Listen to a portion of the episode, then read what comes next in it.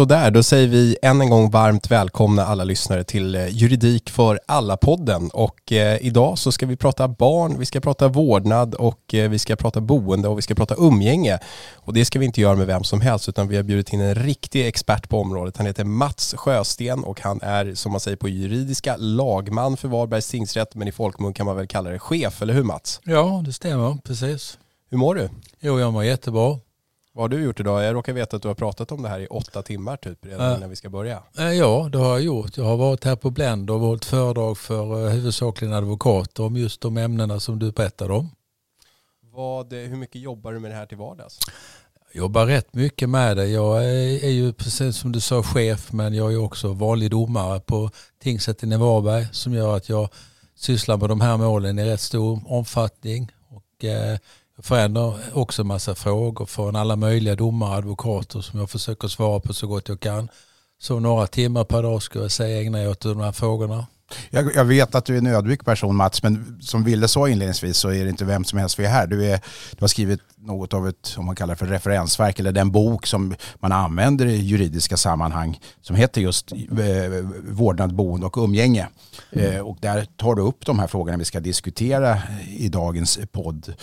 En fråga som jag tycker är intressant innan vi kommer igång det är just din roll som, som domstolschef, som lagman och i, även som då domare i de här fallen hur stor andel av ärenden som avgörs vid en normal tingsrätt som till exempel eh, Varbergs tingsrätt utgörs av ärenden som, som handlar om vårdnad, boende och umgänge. Alltså det man i vardagstal kallar för vårdnadstvister. Ja just det, jo man kallar vårdnadstvister det är precis som du säger. Det, det finns väldigt många olika frågor om det. Jag skulle säga ungefär 25 procent skulle man nog kunna säga idag. Det är en väldigt stor andel av de som vi kallar civilmålen eller tvistemålen som är just handlar om vårdnad, boende och umgänge olika frågeställningar. Ibland alla frågor, ibland bara någon utav dem. Det skiftar väldigt mycket. Vissa hävdar att det knappt är möjligt att med juridiska verktyg slita den här typen av tvister eller avgöra sådana här mål därför att man har två personer kanske som är fullt lämpliga föräldrar men man måste till slut avgöra vem som är mest lämplig om det ställs på sin spets. Va? Är det svårt? Ja, det är det ju. att eh, Svårigheten här är ju mångfacetterad. Alltså, det är många olika frågeställningar. Du har ju den stora skillnaden mellan andra mål att det här gäller ju mänskliga varelser, alltså barn. De andra gäller, som jag säger lite vårdslöst, bara pengar. Bara det är ju en omständighet som gör att det är väldigt svårt att avgöra dem. Det andra är ju som du säger att det, det är ju inte så mycket juridik kring det här utan det är andra övervägande om en förälder är lämplig eller inte. Det framgår av lagen att vi ska bedöma men det framgår inte någonstans av lagen vad är det som gör att en förälder är lämplig eller olämplig. Och du sa att två lämpliga föräldrar, oftast är det det, men ibland är det två olämpliga. Och då ska man välja vem, vem är minst olämplig som kan komma i fråga i det här fallet. Svårt. Om vi tittar på sådana här frågor vad är, vad är det för, ehm, alltså hur är juridiken här uppbyggd? Är det så att om, om vi tar en separation exempelvis, är det alltid barnens bästa som är i fokus även för juridiken? Ja, när man tittar på juridiken och den som vi har då som underlag för våra bedömningar så är det precis som du säger barnens bästa. Vi är här inne nu i en lag som heter föräldrabalken och i den delen av lagen som behandlar just om vårdnad, boende och umgänge och den säger väldigt tydligt att eh, barnets bästa ska vara avgörande för domstolens beslut. Det har det varit länge och eh, mycket idag när det gäller frågan om barnets bästa är ju också frågan om barnkonventionen som också har väldigt mycket fokus på barnets bästa. Det finns ju som många säkert har hört en artikel 3 som talar om att barnets bästa ska vara avgörande i de flesta frågor som gäller eh, barn. Det är det som genomsyrar också föräldrabalken. Så, så är lagen uppbyggd. Sen, sen så har ju då riksdagen som bestämmer lagen sagt att det är vissa saker vi särskilt ska titta på när vi avgör de här frågorna. Och en omständighet som är väldigt viktig det är det här att vi ska se så att det inte finns risk för att barnet eller någon annan förälder utsätts för våld eller hot eller något, något annan risk så att de får illa. Det är en väldigt viktig omständighet som vi ska beakta. Men vi ska också titta på det som eh, anses normalt sett vara väldigt viktigt att barnet har möjlighet att träffa och umgås med båda sina föräldrar. Och det måste man ju ställa då i förhållande till att är den, den, den föräldern som den inte bor med ska träffa, är den lämplig förälder? Har den gjort barnet illa? Har den gjort den andra föräldern illa på något sätt? Så det är ju sådana faktorer som inte typiskt sett juridiska som de som vi ska lägga till grund för våra bedömningar. Är det en så säga, grundprincip, alltså det man i juridiska sammanhang kallar för presumtion, att barnets bästa är om inget annat, om ingenting annat talar i en annan riktning, att ha tillgång till sina båda föräldrar. Är, är det en sån grundprincip? Ja, det är det. Det kan man säga att det är för att eh, när eh, man, om man tittar då i de här reglerna i föräldrabalken så säger de just att det är en omständighet vi ska särskilt beakta att eh, barnet har rätt till att eh, umgås med båda sina föräldrar. Och det är också någonting som framgår av barnkonventionen nu som, som ni vet i lag sedan något år tillbaka. Där tar, finns det en artikel som talar väldigt mycket om att barn ska ha rätt till tillgång till båda sina föräldrar. Men du som är domare då i en tingsrätt, rekommenderar du, eller så här, ska man försöka lösa sådana här saker innan de hamnar hos dig? Eh, ja, det tycker jag. Eh, och eh, om de hamnar hos mig så ska man försöka lösa dem innan jag har bestämt i frågan. Och det är inte för att eh, jag inte kan besluta i dem utan för att erfarenhetsmässigt är det ofta så att om föräldrar själv kan komma överens om en lösning så är det den som håller bäst och det är inte någon annan som talar om för vad de ska göra utan då har de själv kommit fram till den här lösningen det finns ju mycket hjälp att få i samhället och någonting som jag rekommenderar föräldrar då som inte kan komma överens innan de har kommit till domstol är att kontakta kommunen, socialnämnd för många gånger heter det familjerätten för övrigt och att då kan de få samarbetssamtal. Under professionell ledning då kan de få hjälp att, att bearbeta de frågor och de tvister de har när det gäller barnen och kanske komma till en slutlig lösning också utan att behöva gå till domstolen och då kan socialnämnden eh, som vi säger fastställa den, alltså det bland överenskommelser som gäller som en dom och så kommer de aldrig till domstolen. Och då, är, då bestämmer de själva tvisten. Det är ingen annan som talar om vad de ska göra utan de får med hjälp att hitta en överenskommelse som normalt sett anses vara till barnets bästa. En, en skilsmässa, separation, jag har själv haft några i min närhet där det alltid finns vissa känslor inblandade, det kan finnas prestige inblandat, det kan vara mycket annat rent materiellt som måste göras upp och man är minst sagt eh, sams om saker och ting. Och alla vettiga människor brukar säga att barnen får inte komma i kläm. I någon mening brukar det ändå bli så att barnen kommer i kläm i de här sammanhangen. Om vi då innan vi går in på de specifika frågorna frågar en erfaren och på området väldigt duktig person som dig, vad, vad har du för, för, för, för, rekommendationer i de här sammanhangen? Hur ska man liksom kunna höja sig över sin egen konflikt för att kunna komma till, till rätta med hur barnen ska hanteras efter separationen? Alltså, det är ju en väldigt svår frågeställning för att föräldrar som även om de eh, säger att de gör precis det du säger så är de mitt i en konflikt och är väldigt svåra att se bortom den egna ska man säga, väldigt besvärliga situationer. Men man kan ändå säga som så att det finns föräldrar som inser att eh, eh vi måste göra på ett visst sätt för att det ska bli bra för våra barn en viktig sak som är då också att komma ihåg det är att för barn är ju väldigt känsliga och lyhörda. Så att eh, många gånger så får vi indikationer på att barnen har fattat att någonting är dåligt innan föräldrarna själva visste om det hårdra det lite men de är väldigt receptiva och lyhörda. Och viktigt är då, det kan man säga också då utifrån ett barnkonventionsperspektiv att föräldrarna pratar med sina barn lyfta sig lite över det här liksom att tala om med barnet nu är det på det här sättet och vi har problem med detta och informera vad barnet eh, vad som är på gång. Men det viktiga att komma ihåg här det är ju att inte barnet ska hamna i en situation att det ska väljas. Barnet ska få reda på vad, eh, vad som händer, när det händer vilka konsekvenserna ska bli. Men det är de vuxna som hela tiden ska ansvara för aldrig övervältra det för barnen. Men låt säga då att jag eh, är gift och sen så ska jag separera med min hustru och så har vi barn och så har vi försökt göra allt det här som du har sagt innan men vi kan inte komma överens. Hur gör jag för att hamna i tingsrätten? Ja, det finns många olika sätt men jag kan ta det typiska sättet som gör det för att så, så lite förenklat blir det då. Många gånger så har du varit på samarbetssamtal först och det har inte fungerat. Och då kontaktar du oftast ett juridiskt ombud. Det är allmänt en advokat eller någon annan jurist som sysslar med familjerätt som då tar sig an ditt ärende. Eh, du får beskriva vad, vad, situationen är, hur läget är just nu och vad du vill åstadkomma.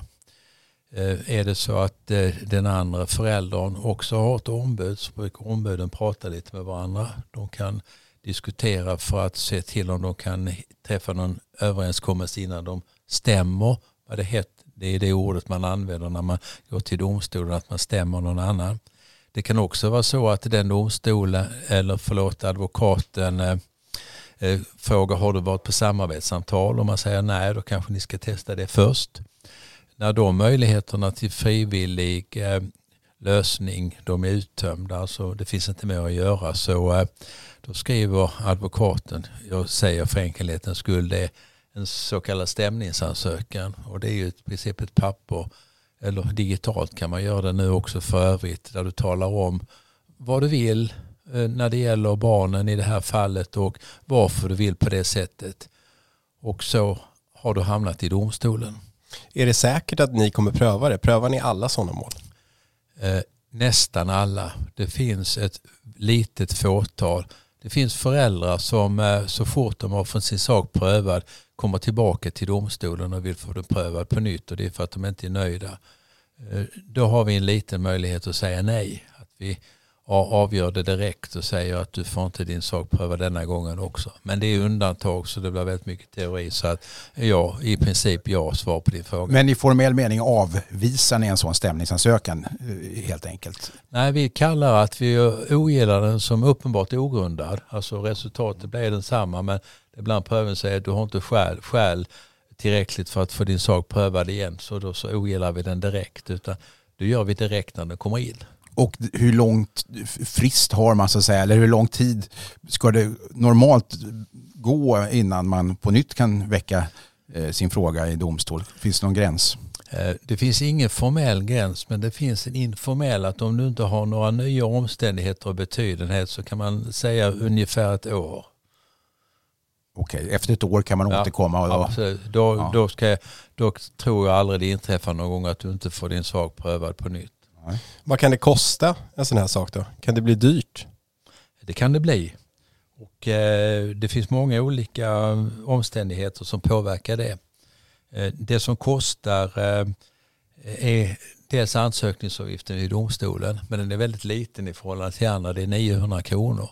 Så det är det du betalar till staten för att domstolen ska ställa sina resurser till förfogande hur lång tid målet än tar. Och det betalar den som stämmer? Precis. Och eh, den stora kostnaden är ju för ditt ombud.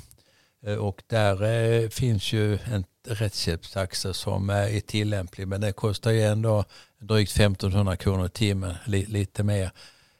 Och som du måste betala själv. Och då finns det olika sätt att betala Dels om du har hög lön så får du betala då egen ficka om du inte har en rättsskyddsförsäkring. Och idag så är tanken att alla människor ska ha en rättsskyddsförsäkring som täcker de här eh, processerna och då får du betala en, eh, en del av det själv. Det finns ju en eh, egenavgift man får betala och sen så täcker de kostnader upp till ett högsta belopp. Lite olika vilket skillnad från försäkringsbolag till försäkringsbolag så att jag går inte in på detaljer. Det finns en möjlighet också att du kan få allmän rättshjälp om du tjänar under 260 000 kronor om året och du inte har någon försäkring och du har giltiga skäl till varför du inte har en försäkring. Då kan du få allmän rättshjälp. Men de som har allmän rättshjälp då det är, det är bara ett begränsat antal människor utan det är mest försäkringar eller så har man för höga inkomster. Och vad är det då som gäller om du nu inte har ekonomiska möjligheter att till exempel, om vi använder ordet försvara dig för enkelhetens skull, det vill säga att du blir instämd av din före detta partner eller av domstolen formellt, men du blir stämd av din före detta partner och säger jag har inte råd med en egen advokat. Hur agerar du som domare i ett sådant läge? Jag får ju någon mån försöka hjälpa parten men jag kan ju inte ägna mig åt rådgivning. Jag, jag kan tala om för vad vad personen måste göra formellt sett eh, i de olika fallen och hjälpa dem så att de gör på rätt sätt. Men led, ledning i vad de ska till exempel ha för några argument eller vad de ska ha för någon bevisning det kan jag inte ge. Så att eh, de hamnar ofta i en svår situation och ett litet underläge mot den som har då en advokat eller någon annan som är utbildad att eh, föra de här tvisterna till den här talan. För jag tänker på den situationen att du faktiskt med juridikens hjälp kan hamna då i ett eh, starkt överläge mot din före detta partner som då kanske har en sämre ekonomisk situation. Och här, här har du muskler som är både juridiska och ekonomiska och, och din före detta partner kanske inte klarar av att ens ha råd med en advokat. Eh, det här, det här är inget som lagstiftaren har förutsett? Alltså. Eh, ja, både ja och nej. Eh, när eh, man gjorde om rättshjälpsbestämmelserna för nu 25 år sedan ungefär så utgick det från att alla skulle ha en rättsförsäkring. Och eh, i det fallet man inte har det så skulle rättshjälpen täcka. Men den här avgiften som är, eller den här gränsen snarare som är den högsta för vad du får tjäna för att få rättshjälp, alltså 260 000 kronor om året den är oförändrad sen om jag kommer ihåg 1999. Så att då, en, en hel del har ju hänt med vad folk tjänar. Så att det är ju färre och färre personer som kan komma i åtnjutande av den förmånen. Så att eh, tanken är ju att eh, har du inte en försäkring och du inte har giltiga skäl så får du betala det själv. Och sista frågan avseende ekonomin som jag ändå tror berör väldigt många i det här sammanhanget vilka principer gäller när man då är färdig. Den som får var och en stå för sina egna rättegångskostnader eller om man så att säga vinner målet, om man ska uttrycka sig så i ett sånt här sammanhang. Som i andra tvistemål, är, är det så att man slipper betala sina egna och vältrar över på motparten? Berätta. I de här fallen är huvudregeln att eh, vardera parten står sina kostnader. Alltså du får betala dina egna, du får inte betala motpartens. Men även om du vinner så får du inte ersättning för motparten. Det finns vissa, spe, vissa speciella undantag men eh, de är i det här sammanhanget ointressanta och det blir alldeles för tekniskt att berätta om det. Så svar, svaret på din fråga är att eh, var och en får betala vad den har haft för några kostnader. Okej, strålande. Då har vi rätt ut det mest väsentliga här. Då tänker jag att vi ska gå över på lite mer konkreta lyssnarfrågor.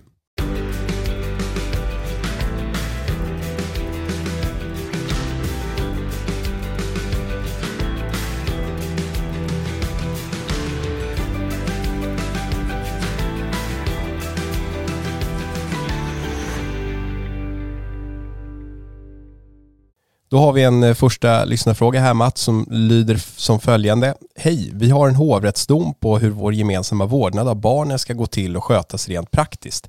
Barnens mamma obstruerar dock och både hämtar och lämnar lite som hon själv vill. Hon tycker inte att ett par dagar hit eller dit är så viktigt men det förstår min, förstör min planering och barnens kontinuitet. Vad kan jag göra? Ja, i det här fallet så eh kan man ju tala om eh, verkställighet och dom men det är så få eh, dagar hit och dit så att det är nog grund, grundbestämmelsen eller grundavgörandet man får eh, angripa. Alltså är det så att mamman beter sig på det här sättet och inte tar respekt varken för barnet eller för motparten så skulle jag säga att den här parten får väcka talan vid domstolen och då eh, kanske i det här fallet yrka på att eh, barnet ska bo hos eh, honom eller henne. Det, nu är, det var mamman som obstruerade och det är pappa just det. Då får pappan vända sig till domstolen som jag ser då veckan en att han ska antingen ha vårdnaden om barnen eller att de ska bo hos honom i alla fall så att det får regleras ett umgänge för mamman.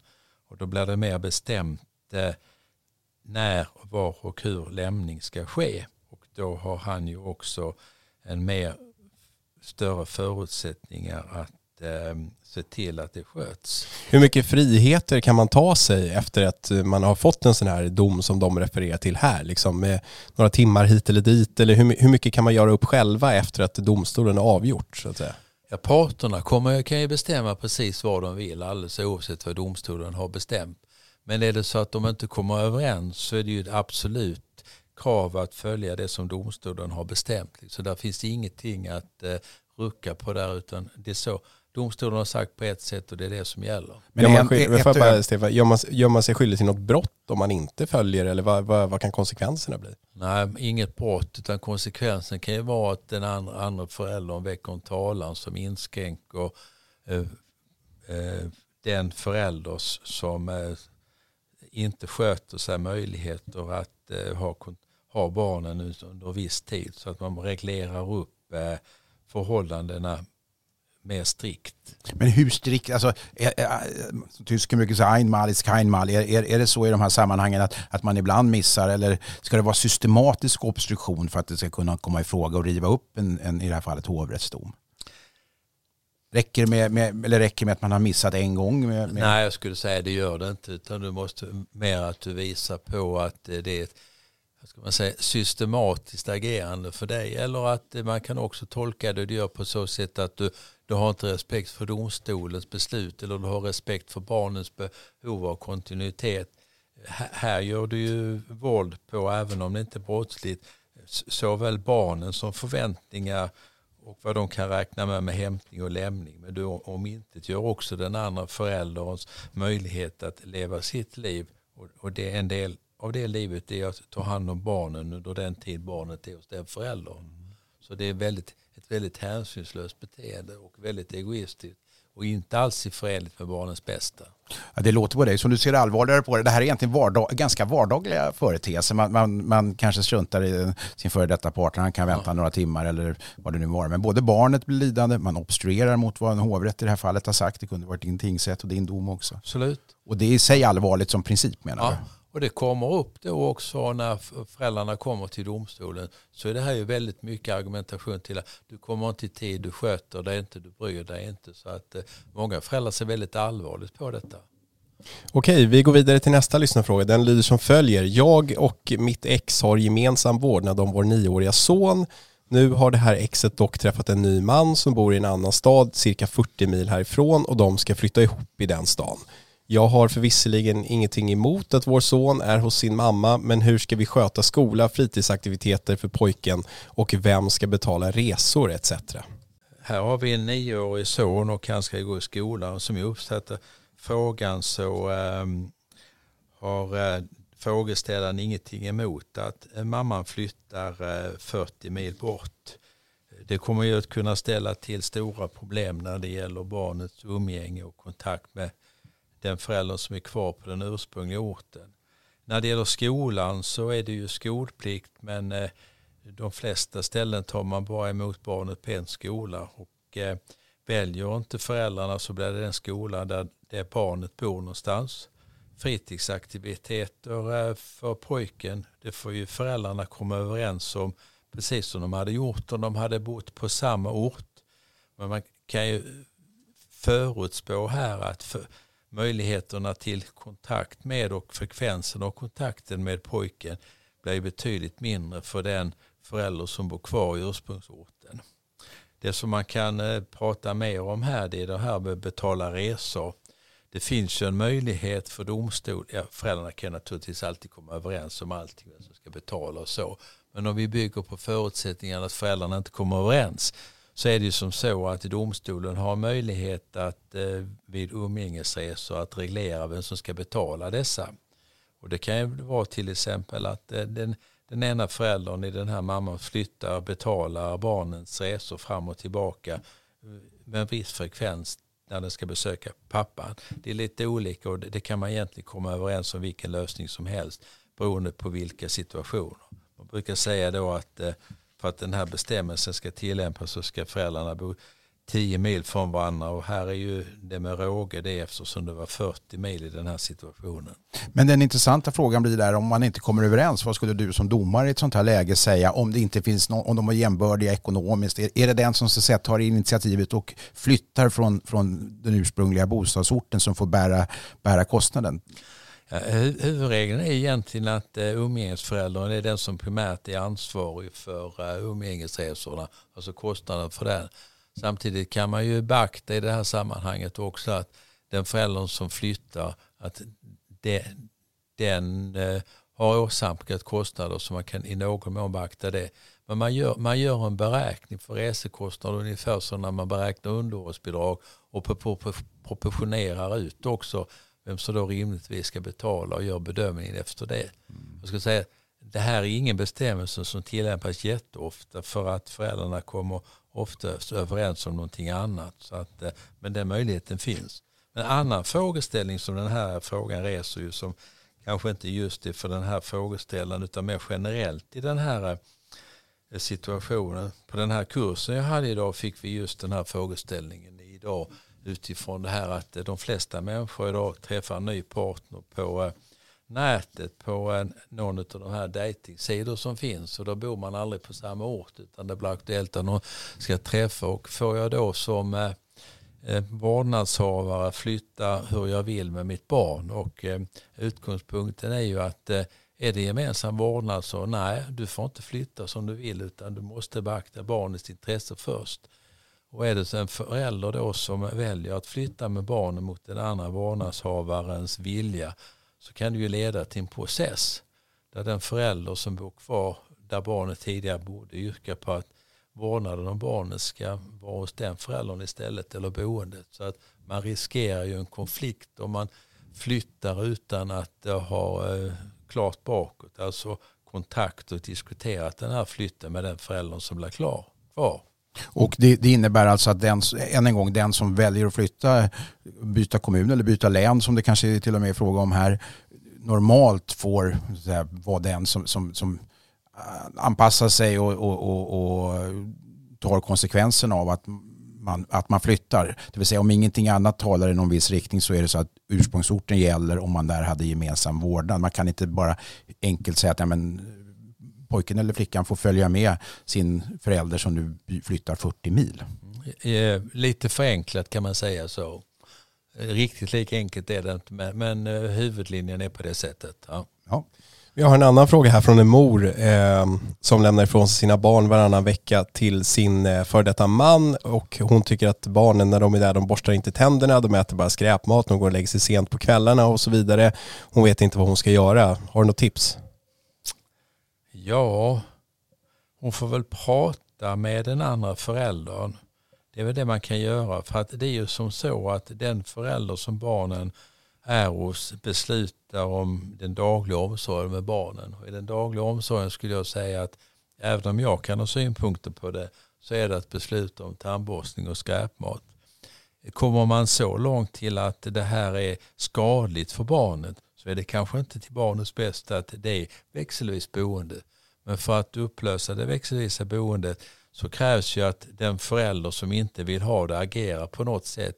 Antingen se till att föräldrarna kommer överens om någonting annat eller i värsta fall få gå till domstolen och begära att domstolen ska besluta att kontakten mellan barnet och den föräldern som ger det skräpmat och inte låter det borsta tänderna, att den inte ska vara så omfattande som den är.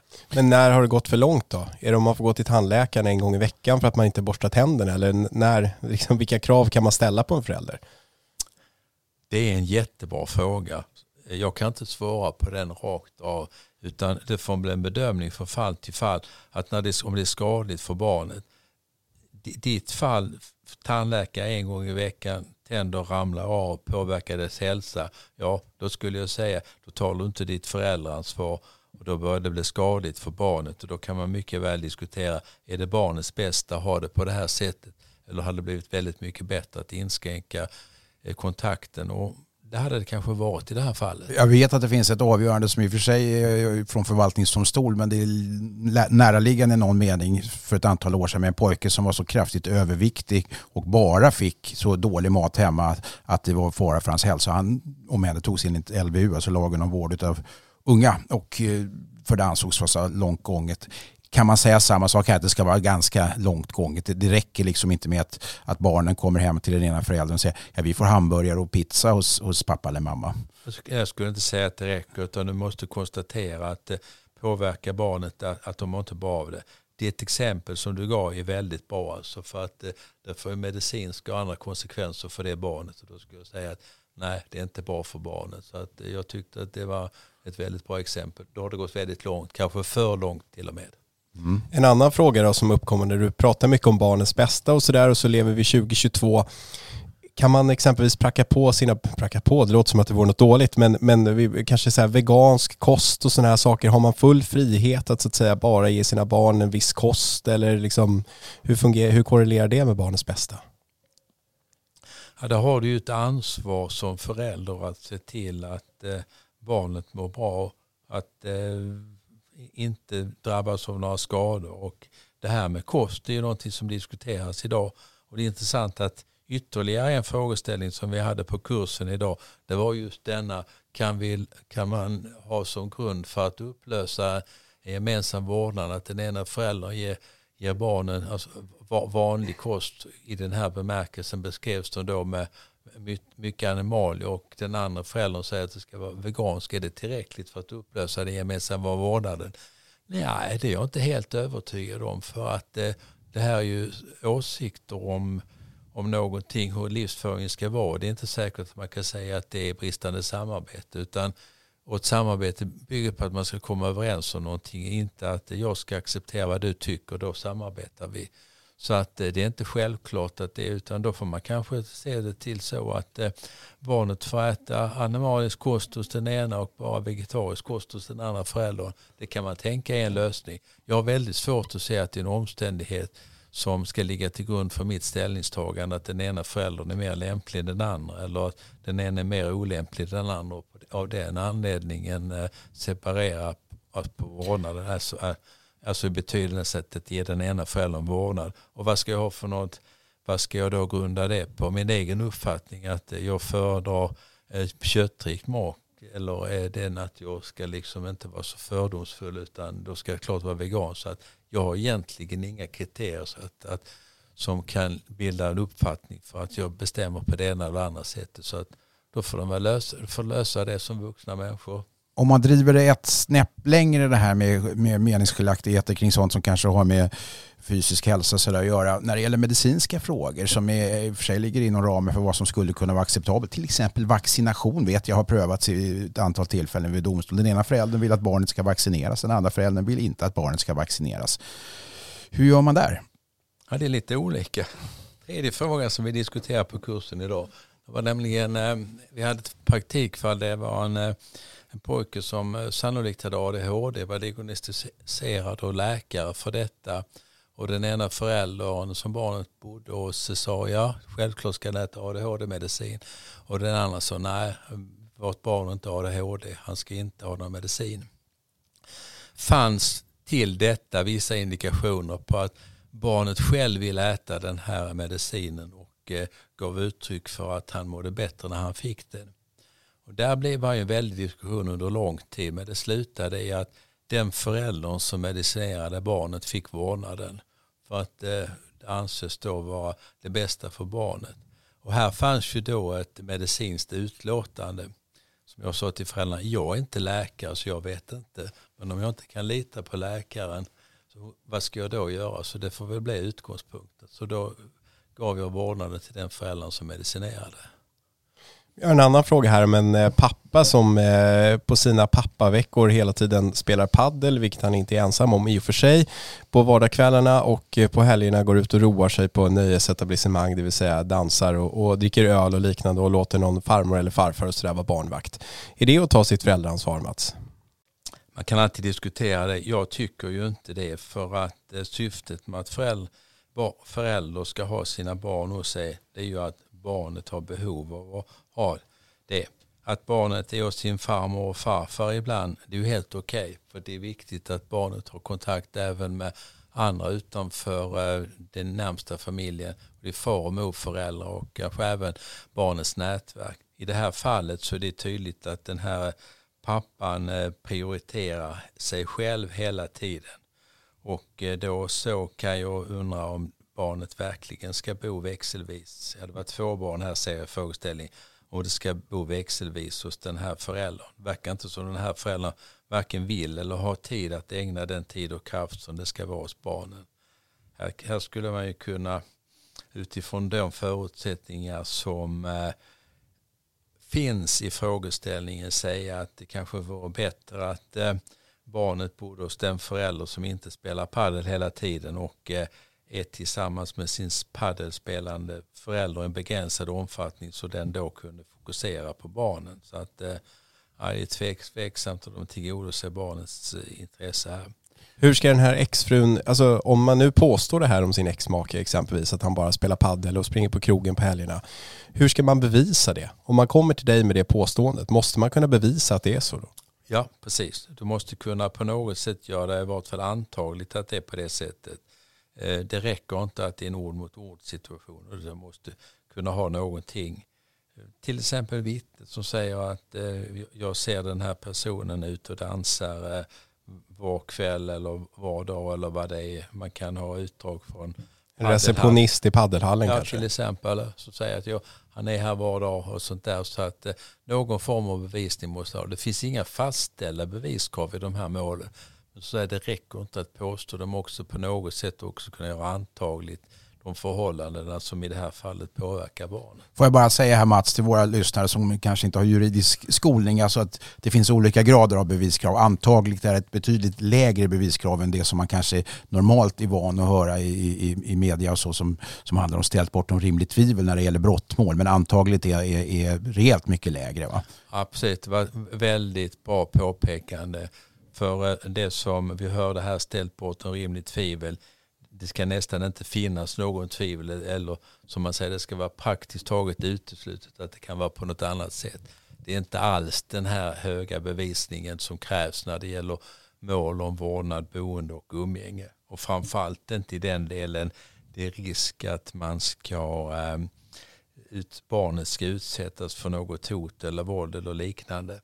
Sen antagligt här, det lägger jag inte på en skala som man kanske gör om man pratar om det här i någon teoretisk diskussion och bevisning utan jag säger att det måste till någonting som ändå visar på att det här förhållandet är riktigt. Det räcker inte med ditt egna påstående om att det är så. Vad det i det enskilda fallet är, det går inte att säga utan det beror på omständigheterna. Det vill säga, att, om vi sammanfattar här, ett, ett, normalt yrkesliv med kanske någon fritidsaktivitet på kvällen även för en, en ensamstående förälder, det må vara okej. Okay. Man kanske kan gå ut på krogen och, och, och, så med sina vänner eller om man träffar en ny partner någon gång då och då. Men det är inte bra om det sker så, att säga, in, så det går ut över barnet, att det, att det är kontinuerligt så att man inte har tid för barnet helt enkelt. Nej, många gånger är det inte så. Eh, sen kan det också vara, och eh, det är det stora problemet de här målen, det är alltid så att det beror på. ja. Och eh, utan, jag försöker ändå liksom ta någon, någon beskrivning av normaliteten, vad som nu är normalt. Det var någon som på kursen sa att det som är normalt idag, det var inte normalt för 30 år sedan. Och jag köper det. Alltså, det kan kanske vara bra i det här fallet om jag ska spetsa till det för barnet att det är så mycket hos farmor och farfar. Så det skulle ju kunna vara så att det är bra för barnet. Så att även om den här föräldern brister i sitt föräldraansvar så är det inte någon fara för barnet eller någon nackdel för barnet att det är så mycket hos farmor och farfar. Så det behöver inte i det här fallet, även om jag sa det innan, vara så att det är en absolut förutsättning för att det, vårdnad eller något annat ska begränsas eller boende ska begränsas. Utan där måste man, som i alla andra sådana här fall, vilket gör det väldigt svårt, se till alla omständigheterna och hur det påverkar barnet. Det är väldigt mycket sunt förnuft som spelar in här låter det som på dig va? Ja, och som vi var inne här på en stund sedan, väldigt lite juridik, väldigt många andra omständigheter. Om vi tar en sista lyssnarfråga här Mats så kommer det från en kvinna som eh, har en icke-existerande relation med sin för detta make. Hon har ensam vårdnad om deras fyraåriga dotter men den här exmaken har en umgängesrätt varannan helg som fungerar uselt. För när dottern eh, kommer tillbaka så gråter hon och skriker och hon vill aldrig gå dit eftersom hon vill vara hemma med sin mamma. Och den här mamman anser att det här är skadligt och då frågar dig vad kan hon göra? Ja, hon, om hon nu menar på att det är så skadligt att eh, barnet inte ska umgås med sin pappa och någon fog för det så måste hon agera här också. Det är hela tiden så att det finns två vägar. Antingen kommer föräldrarna överens och i det här fallet skulle det vara då så att eh, umgänget var på ett annat sätt eller inte umgänge alls. Och kommer de inte överens så måste hon återigen vända sig till domstolen och där får hon gå in med ett yrkande som kan till exempel vara att det ska vara inget umgänge. Här kan man också säga att det är en problematisk frågeställning för att eh, en fyraårig dotter som beter sig på det här sättet då kan man fråga sig varför är det så? Är det för att eh, det är så uselt hos pappa eller är det för att dottern eh, förväntas göra det här på grund av signaler från mamma att hon ska mamman har krav på dottern att hon ska visa att hon verkligen bara vill vara hos mamman. Så det, där är svårigheter också att värdera vad kan den här omständigheten bero på. Så att det, det är svårt att säga generellt. Eh, det är väldigt eh, få förutsättningar här. Men vad hon kan göra, som sagt, det är det jag sa, antingen en överenskommelse eller så vända sig till domstolen. Men eh, alltså, nu, det finns ju inga anklagelser om, om faktiskt något brott eller hot och, och om våld eller om våld eller så, utan mamman påstår att dottern mår dåligt och vill inte åka till sin pappa. Du närmade någonting som jag vet är ganska känsligt i, i, i det här eh, sammanhanget, nämligen att det skulle kunna vara så att den ena föräldern, i det här fallet mamman, faktiskt har påverkat dottern att leva upp till en, en förväntan om att inte vilja vara hos sin pappa, tillmötesgående. Är det här ett problem som ni möter i domstolen? Att man, det finns alltid två sidor på myntet ju, men, men i ett sånt här sammanhang måste man värdera den typen av eventuell påverkan på barnen också? Absolut, det är ju inte alls ovanligt att föräldrar påverkar. Och det kan vara direkt eller indirekt påverkan. Vi, vi pratade ju lite det här innan om barnens lyhördhet och att det de eh, vet och känner på sig som är. Det här kan ju vara så att även om mamman inte har sagt direkt hur flickan ska bete sig så kan hon ju markerat genom på annat sätt eh, hur dåligt hon mår när dottern inte är hos henne och eh, hur glad hon är när dottern kommer tillbaka och hur hemskt hon tror det är hos pappa, då kan dottern leva upp till de här förväntningarna som hon tolkar in i vad mamman har sagt. Så att visst det förekommer, så vi måste ju alltid värdera allting som sägs. De riktigt svåra fallen som jag också pratar om på kursen idag, det är kul att ni berör just det som är så aktuellt i, i den dag jag har hittills gått igenom, eh, är just detta att eh, ibland när jag hör på rättegångar sammanträde vid domstolen föräldrar talar om sina barn. Jag låter ofta dem berätta det för att jag ska få se hur de beskriver sina barn. Så kan jag undra, liksom, är det samma barn de pratar om? Så att eh, så skilda världar kan det vara. Och barnen är lyhörda, de är lojala och har mamman i det här fallet förväntningar på att barnen ska göra på det här sättet så det är inte orimligt att tro att hon gör det. En, en vanlig missuppfattning som jag har förstått i de här sammanhangen bland föräldrar och som är tidigare som man säger processovana, det vill säga de är inte vana med domstolar att göra de, de kanske tror att ja, men det är väl bara att höra med dottern men du kan inte hur som helst hålla ett förhör med en fyraårig dotter i domstolen utan det ska ske i särskild ordning. Berätta. Absolut. Eh, när vi eh, för in en utredning eller vill få in en utredning till domstolen för att få veta någonting om den här dottern så beslutar vi om en sådan utredning men det gör vi ju inte själv. Vi plockar ju aldrig in barnet och hör den framförallt när det är så litet utan det är familjerätten då alltså en del av socialnämnden i kommunen som gör den här utredningen. De talar med föräldrarna och de talar med i det här fallet dottern och finns det dagis så talar de med dagispersonal och kanske andra personer i i dotterns eh, närhet eh, för att sen göra en sammanfattande bedömning av vad som har kommit fram. Och då, eh, utifrån detta så får vi det, det material och den kunskap vi behöver för att avgöra målet. För att vi kan inte ta in ett barn och höra det på mitt tjänsterum. Sådär. Det finns inga regler som möjliggör och gör jag det så gör jag det fel. Det finns i andra länder, det ska jag inte fördjupa mig men det finns eh, rättsordningar, alltså eh, länder med lagar som säger att domstolen får och ska tala med barnet i enrum och sen så antingen redovisa det inför eh, domstolen när parterna är närvarande eller ha med det ändå i sin bedömning utan att redovisa det för parterna. Det finns inte i Sverige. Här måste allting komma fram.